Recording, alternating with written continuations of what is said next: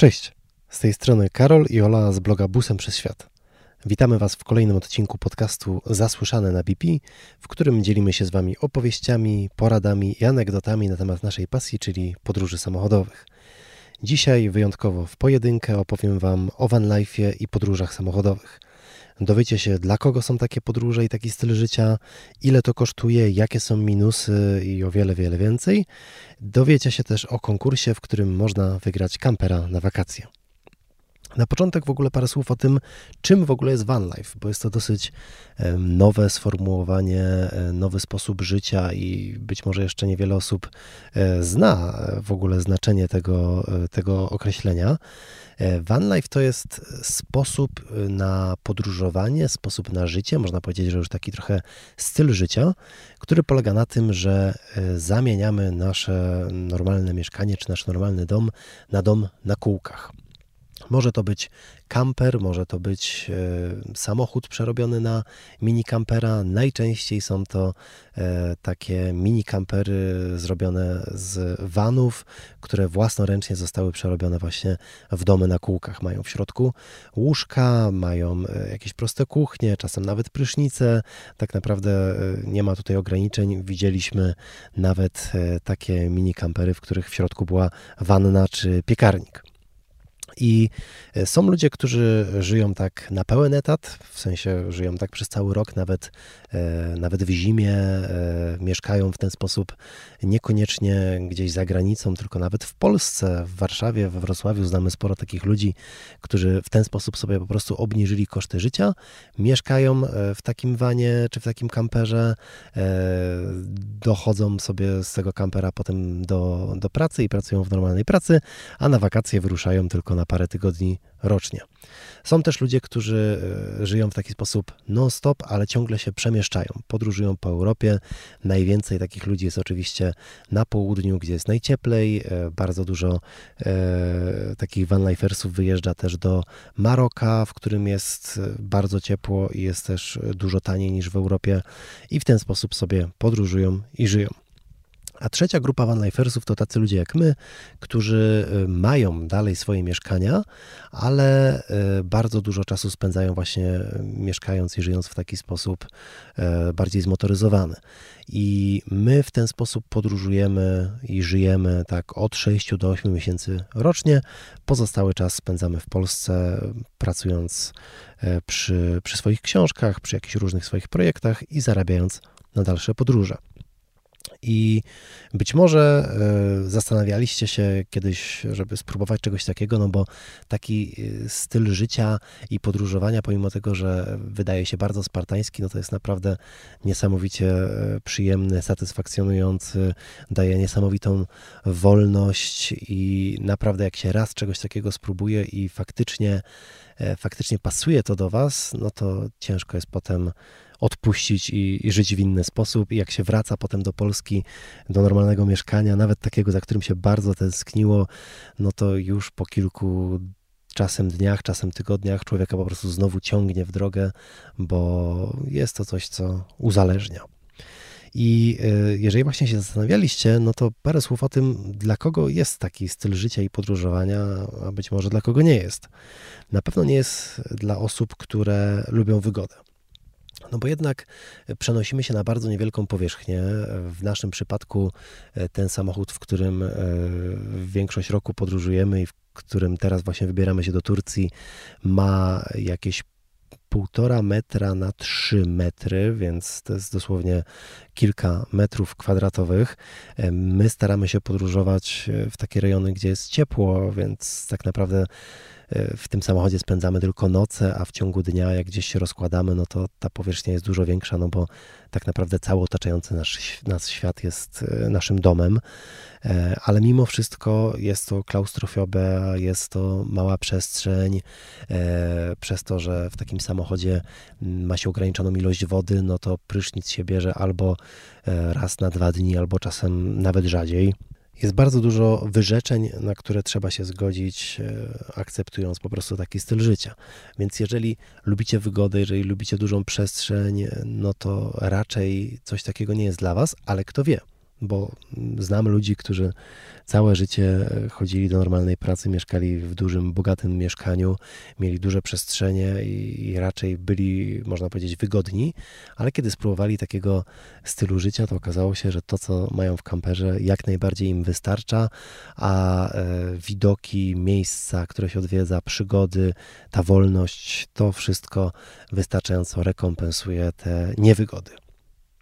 Na pewno taki styl podróżowania i życia nie jest dla osób, które mm, boją się niespodziewanych przygód, e, czy które potrzebują takiej stabilizacji, bo mm, tutaj trzeba mieć świadomość tego, że jeżeli jeszcze chcecie to robić tak w sposób niskobudżetowy, nie chcecie nocować na płatnych kempingach, e, tylko właśnie bliżej natury, co z jednej strony pozwala właśnie oszczędzić pieniądze, ale z drugiej strony jest też po prostu przyjemniejsze, no bo lepiej rozłożyć się gdzieś na dziko nad jakimś przepięknym jeziorem, czy, czy gdzieś w górach, gdzie nie ma innych ludzi i tylko jakieś zwierzątka mogą wam rano przyjść do obozowiska, niż ściana w ścianę na jakimś kempingu e, cisnąć się z masą innych ludzi. I jeżeli e, planujecie właśnie nocować w taki sposób bardziej dziki, no to trzeba być gotowym na to, że z jednej strony e, no, nie ma tej takiej stabilizacji, bo codziennie jesteście w innym miejscu, czy tam maksymalnie kilka dni spędzacie w jednym miejscu. Trzeba potem szukać miejsca noclegowego, czasem zajmuje to 15 mm, minut, czasem zajmuje 3 godziny. Poza tym jest bardzo dużo takich nieprzewidzianych sytuacji, nieprzewidzianych przygód, no bo może wam się wydawać, że nocujecie w jakimś miejscu, które jest legalne i pięć razy wszystko sprawdziliście, a potem nagle w środku nocy ktoś wam puka i okazuje się, że to jest policja, która każe wam się przestawić w jakieś inne miejsce. I no, dla nas to już jest standard i wiemy, że coś takiego się zdarza po prostu raz na parę tygodni, a dla kogoś to może być sytuacja na tyle stresująca, że no, nie będzie czuł się komfortowo. Poza tym, zdarzają się też y, awarie samochodu. E, może być tak, że gdzieś pośrodku niczego wam ten samochód się zepsuje. My na przykład jak podróżowaliśmy w taki sposób w Australii, no to na środku pustyni, gdzie nie było zasięgu, odpadło nam koło i przez wiele godzin nikt tamtędy nie przejeżdżał, a my musieliśmy jakoś po prostu dostać się do najbliższej cywilizacji i samemu sobie tego busa naprawić. Więc na coś takiego trzeba być gotowym i jeżeli e, jak tylko słyszycie o takich przygodach i o takich sytuacjach, to was to stresuje i nie chcielibyście tego przeżyć, no to raczej jednak takie podróże nie są dla was. Są za to na pewno dla ludzi, którzy kochają naturę. Dla których y, przebywanie w naturze jest czymś, y, co bardzo lubią, jest czymś, co tylko tak pozytywnie im się kojarzy i nie mają problemu na przykład z tym, że w nocy słychać dużo odgłosów, że jakieś zwierzęta hałasują w lesie, że gdzieś przychodzą pod samochód czy pod namiot, w zależności od tego, gdzie śpicie, bo może się wydawać, że w nocy w naturze jest cicho, ale no, jest wręcz przeciwnie. W nocy budzi się nocne życie i szczególnie jeżeli będziecie gdzieś nocowali dalej od cywilizacji, no to do nas praktycznie co noc przychodzą jakieś zwierzęta, obwąchują samochód, gdzieś tam czasem coś poskrobią, czasem pomlaszczą i dopiero rano zazwyczaj człowiek się dowiaduje, czy to był lis, czy to był łoś, czy to może był na przykład niedźwiedź. Bo jak nocowaliśmy na Alasce, no to tam tych niedźwiedzi spotykaliśmy więcej niż ludzi. Więc na pewno, jeżeli zastanawiacie się nad takim stylem podróżowania, no to no to właśnie trzeba się zastanowić, czy, czy te niewygody i te minusy takiego sposobu podróżowania i życia, czy nie dyskwalifikują was z, z bycia vanlifersami. Ale powiedzmy, że, że może jednak was nie zniechęciłem i dalej chcielibyście czegoś takiego spróbować, no to w takim razie od czego zacząć? Na pewno wiele osób robi taki błąd, że nigdy nie podróżowali w taki sposób i nagle rzucają wszystko, idą do szefa z dnia na dzień, rzucają pracę, bo obejrzeli na YouTubie parę filmów o, o vanlifersach podróżujących po świecie, e, sprzedają swoje mieszkanie, inwestują wszystkie oszczędności w takiego kampera i ruszają w podróż. A potem nagle się okazuje po kilku tygodniach, że to jednak jest nie dla nich. Dlatego my bardzo polecamy, żeby na początek po prostu pożyczyć od kogoś taki samochód jest coraz więcej wypożyczalni w Polsce, które wynajmują czy to właśnie kampery, czy takie bardziej kamperwany i można sobie z jednej strony przetestować i zobaczyć, czy to na pewno nam się podoba i czy lubimy tak e, mieszkać, e, a z drugiej strony podejrzeć jakieś rozwiązania, które potem być może będziecie chcieli zastosować w swoim samochodzie, niezależnie czy będziecie go budowali sami, czy będziecie zlecali to komuś innemu. Można też wygrać taki wynajem kampera. E, teraz trwa konkurs BP, e, w którym możecie na dwa tygodnie właśnie dostać takiego kampera. E, polega on na tym, że po zatankowaniu minimum 25 litrów dowolnego paliwa lub zrobieniu zakupów za minimum 20 zł możecie zarejestrować swój paragon, odpowiedzieć potem na pytanie i właśnie wziąć udział w takim konkursie, gdzie do wygrania są między innymi takie właśnie dwutygodniowe pobyty kamperowe.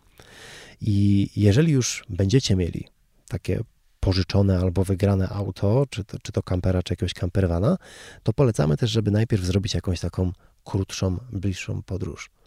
Żeby nie rzucać się od razu na jakąś bardzo daleką zagraniczną podróż, nie objeżdżać całej Europy, czy nie jechać do Afryki na przykład, albo nie robić tak jak niektórzy, których znamy, że od razu zaplanowali wielką podróż dookoła świata, a po kilku tygodniach y, jednak musieli zawrócić, tylko na początek objechać sobie Polskę.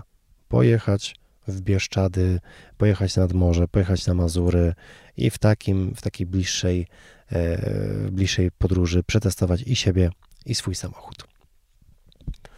Bardzo często, jak opowiadamy o takim naszym stylu życia, i jeszcze ludzie widzą, że my podróżujemy teraz z małym dzieckiem, bo Gaja ma w tej chwili 10 miesięcy, to pytają nas, czy takie podróżowanie na pewno jest bezpieczne. I prawda jest taka, że e, bezpieczniej czujemy się właśnie podróżując tak i nocując gdzieś w dziczy, niż e, nieraz chodząc po Kielcach i mieszkając w zwykłym mieszkaniu. E, bo e, stosujemy taką zasadę, że im dalej od cywilizacji, tym bezpieczniej i no tam też po prostu przyjemniej się nocuje, przyjemniej się spędza czas, więc odjeżdżamy jak najdalej od miast, nie nocujemy po prostu w miastach. Jeżeli chcemy zwiedzić sobie jakieś miasto, to zwiedzamy je w ciągu dnia, a potem wyjeżdżamy jak najdalej się da i mam świadomość, że bardzo dużo osób w takich większych kamperach e, no, korzysta z tego, że są samowystarczalni w środku i, i, mają tam łazienkę, prysznic i wszystko i nie muszą wychodzić i po prostu nocują w miastach, bo, bo tak jest szybciej i nie trzeba odjeżdżać nie wiadomo gdzie. Ale w tych miastach najczęściej zdarzają się właśnie jakieś nieprzyjemne sytuacje, jakieś kradzieże, jakieś napady i no, nam wszystkie trzy sytuacje, kiedy ktoś nas okradł, no to to były sytuacje właśnie w miastach i to nie w miastach gdzieś w Afryce, czy, czy, czy w Ameryce, czy w Azji, tylko właśnie w Europie, w Barcelonie, w Atenach i w Rzymie.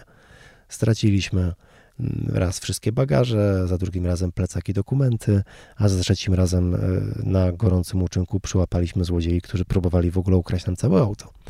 Dlatego my staramy się jak najdalej od cywilizacji, a jak już jesteśmy w tej naturze, no to żeby właśnie nie podpaść e, zwierzątkom i żeby nie mieć jakichś problemów e, z naturą, staramy się, znaczy staramy się, no, robimy to bardzo dobrze i, i pilnujemy jak tylko się da, żeby nie zostawiać żadnych zapachów, żadnych e, szczątków, resztek jedzenia, e, bo zwierzęta po prostu coś takiego wyczuwają, przychodzą w nocy i potrafią wtedy zrobić niezły bałagan w obozowisku.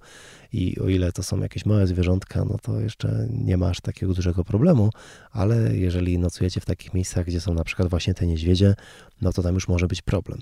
I my Nauczyliśmy się tego na Alasce, gdzie tych niedźwiedzi gryzli było bardzo dużo, a teraz stosujemy to wszędzie, nawet w Polsce, że jeżeli mamy jakiekolwiek resztki jedzenia, czy jakieś takie mocno pachnące zapasy na kolejne dni, w sensie coś, co jest otwartego, nie jest to na przykład szczelnie zamknięta konserwa, tylko, tylko coś, co może wydawać jakieś zapachy, to my to wszystko pakujemy w takie szczelne worki. Te worki przywiązujemy długim sznurem, zawieszamy gdzieś na drzewie kawałek od naszego obozowiska, żeby jak jakieś zwierzęta już przyjdą, to, to żeby szły w tamtym kierunku. E, wszystkie jakieś szampony, mydła, które używamy, które mamy, to, to są wszystko e, biodegradowalne biodegradowalne kosmetyki. E, jeżeli e, myjemy zęby, no to tej pasty też nie wypluwamy gdzieś w obozowisku, bo taki zapach też przyciąga zwierzęta i z ciekawości potrafią przyjść, wywąchać i zobaczyć po prostu, co to jest. No, jeżeli akurat wy wtedy gdzieś w obozowisku sobie chodzicie, to możecie niechcący wpaść na na przykład właśnie takiego niedźwiedzia, wilka, lisa czy jakieś inne zwierzę i przestraszone zwierzę może faktycznie samo zaatakować.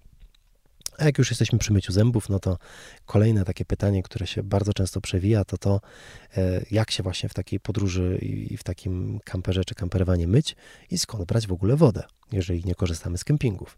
No bo jeżeli korzystacie z kempingów, no to tam macie pełną infrastrukturę, możecie sobie wszystko napełnić, możecie zrzucić e, szarą wodę, e, czy nawet bardzo często macie po prostu prysznice takie kempingowe i nie musicie nawet korzystać ze swoich ale powiedzmy, że jednak chcecie być samowystarczalni i musicie sobie wszystko uzupełniać.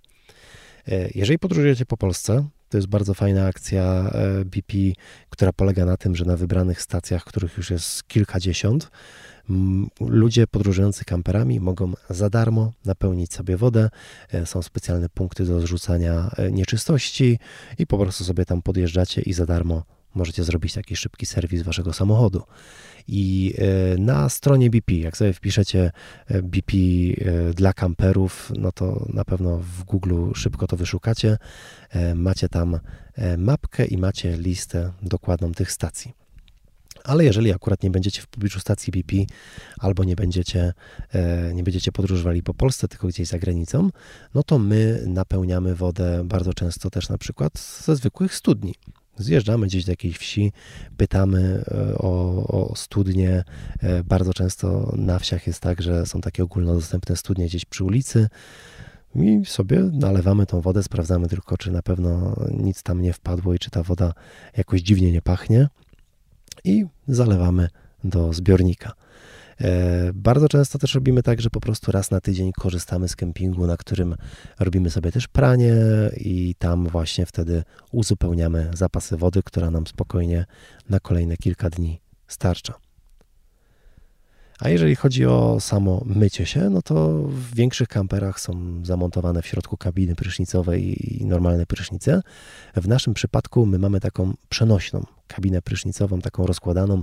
To jest e, taki trzysekundowy namiot z Decathlonu, który ma metr na metr szerokości i dwa metry wysokości i do niego po prostu ciągniemy słuchawkę, która jest podłączona u nas e, do takiego drugiego zbiornika, e, znaczy drugiego zbiornika, no w sensie mamy w aucie normalnie jeden zbiornik na paliwo i drugi podobny zbiornik to jest taki specjalny zbiornik, który sobie zrobiliśmy na wodę i ten zbiornik my też grzejemy. On podczas jazdy się grzeje na taką grzałkę elektryczną, a kiedy się zatrzymujemy, możemy podłączyć ją też do, e, do silnika i wykorzystać to ciepło, które wygenerował silnik, żeby zagrzać wodę.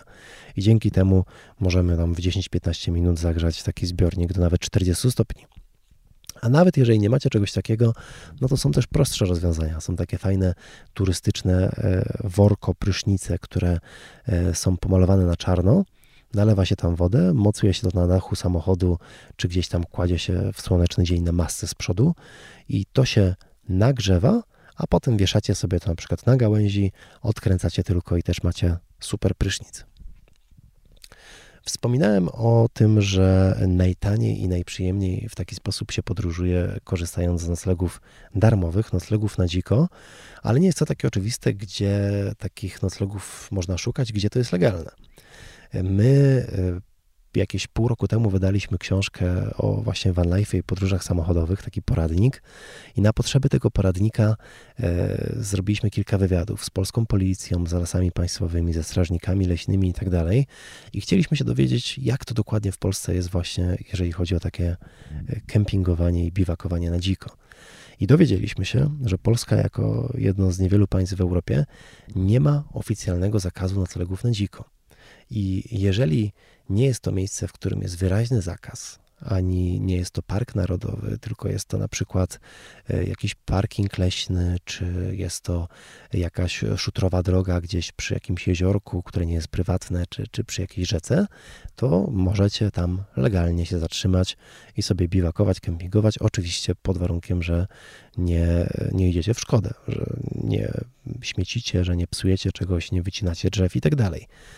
I takich miejsc w Polsce naprawdę wbrew pozorom jest bardzo dużo. Są specjalne aplikacje, e, w których można sobie szukać takich sprawdzonych miejsc i polecam na początku, jak ktoś zaczyna swoją przygodę z takimi e, vanlife'owymi wycieczkami, żeby właśnie korzystać z takich sprawdzonych miejsc. Aplikacje, które bardzo polecamy to iOverlander i Park 4 Night. To są dwie takie najpopularniejsze, w których znajdziecie miejsca noclegowe na całym świecie. Przede wszystkim w Europie, są też oczywiście z Polski, ale jak my podróżowaliśmy po Australii czy po Stanach, to tam też bardzo dużo takich miejsc znajdywaliśmy. I w tych aplikacjach e, macie bardzo często zdjęcie tego miejsca, informacje, ile osób tam nocowało, jakieś ich komentarze, czy polecają, czy nie polecają, czegoś można spodziewać w takim miejscu, bo bardzo często jest też tak, że e, są takie darmowe miejsca biwakowe, gdzie macie bardzo ciekawą infrastrukturę. Czasem nawet są łazienki, jakieś miejsca na ognisko, e, czy, czy krany z pitną wodą. I w Polsce też takich miejsc coraz więcej powstaje. Teraz byliśmy w Gorcach, przy Gorczańskim Parku Narodowym i tam, no akurat może nie darmowe, ale mega tanie, chyba tam 12 zł za osobę, powstały właśnie takie e, bardzo tanie, oficjalne miejsca biwakowe, gdzie możecie rozłożyć się z namiotami, czy gdzieś tam obok e, spać sobie w kamperku. Jest też do tego łazienka, a rano nawet się otworzył taki punkt, w którym można było e, kupić sobie świeżą kawę, ciasto, czy nawet lody rzemieślnicze. Także rewelacja, że takie miejsca powstają. Za granicą jest tego jeszcze więcej. Jak podróżowaliśmy po Stanach czy po Australii, to tam są dziesiątki czy nawet setki darmowych kempingów, e, na których możecie sobie nocować w przepięknym miejscu w naturze, nic w ogóle za to nie płacąc. Jeżeli chodzi o Europę, to bardzo fajnymi państwami do takiego podróżowania są też państwa skandynawskie. Norwegia, Szwecja, e, tam macie takie prawo, że człowiek, e, to prawo nazywa się Allensman Raten, czyli oznacza to po norwesku, że to jest prawo człowieka do korzystania z natury. I e, zgodnie z tym prawem możecie nawet na prywatnym terenie jeżeli tylko jest to minimum 150 metrów od najbliższego zabudowania, możecie sobie za darmo kempingować, palić ognisko i tak. Także polecamy. Może Norwegia nie należy do najtańszych państw, ale jak się weźmie zapasy jakieś z Polski, to można sobie super tam z tych, e, z tych właśnie możliwości darmowego kempingowania pokorzystać. A jak już jesteśmy przy kosztach, no to na koniec ostatnie takie najczęstsze pytanie: ile właściwie kosztują takie podróże? Prawda jest taka, że kosztów takich podróży jest bardzo niewiele. No bo skoro nocujecie na dziko i nocujecie w swoim samochodzie, no to e, koszty noclegów czy jakichś hoteli, kempingów wam odpadają. E, nie potrzebujecie wynajmować e, samochodu, no bo macie swój środek transportu, czyli wasz dom na kółkach. Jeżeli zabierzecie jeszcze zapasy jedzenia z Polski i jeżeli macie kuchenkę w samochodzie, a polecam, żeby zainwestować w taką kuchenkę, no to już w ogóle te koszty spadają bardzo. No i my też przez to, że dużo bardziej lubimy naturę niż miasta, to praktycznie nie korzystamy z żadnych płatnych atrakcji. I okazuje się, że tak naprawdę główne koszty takiego podróżowania to jest paliwo i jedzenie. Jedzenie, które właśnie może być jeszcze tańsze, jeżeli jakieś podstawowe zapasy zabierzecie ze sobą. I nam zdarzało się w ten sposób podróżować za 8 dolarów dziennie na osobę. I da się tak robić, da się aż tak tanio podróżować. W ten sposób podróżowaliśmy czy to po Stanach, czy, czy po Australii, ale były to podróże bardzo spartańskie, bardzo proste, e, gdzie jedliśmy same konserwy, jakieś zupki chińskie i tylko najtańsze rzeczy. I no, można tak robić przez parę tygodni, ale jak ktoś planuje tak e, podróżować przez wiele miesięcy, no to może się to negatywnie odbić na zdrowiu. Prawda jest taka, że no, zależy to tak naprawdę od Was od tego, na jakie wyrzeczenia jesteście w stanie sobie pozwolić, co jecie, e, jakich rarytasów potrzebujecie, ale spokojnie można za 20-30 dolarów dziennie w ten sposób się utrzymywać i nagle się okazuje, że e, w takim koszcie kilku tysięcy złotych możecie w ten sposób podróżować przez wiele tygodni, a gdybyście się wybrali na jakąś zwykłą wycieczkę z biurem podróży, no to za te parę tysięcy złotych mielibyście siedmiodniowy pobyt gdzieś w jakimś hotelu. Także na pewno można w ten sposób zobaczyć dużo więcej, można przeżyć dużo więcej i z takich podróży pozostają wspomnienia do końca życia i każdą taką podróż się bardzo długo wspomina, na pewno dłużej niż takie zwykłe wyjazdy do hotelu. Okay. niezależnie od tego, czy y, planujecie w ten sposób żyć, czy po prostu chcieliście posłuchać się, dowiedzieć, na czym polega van life, no to mam nadzieję, że już trochę więcej na ten temat wiecie. Jeżeli chcielibyście się dowiedzieć więcej, to polecam e, nasz kanał Busem przez Świat na YouTube, gdzie możecie sobie obejrzeć filmy e, pokazujące właśnie, jak wygląda taki sposób podróżowania i życia. A na dzisiaj to już tyle. Do usłyszenia w kolejnych odcinkach. Cześć i szerokiej drogi. Peace.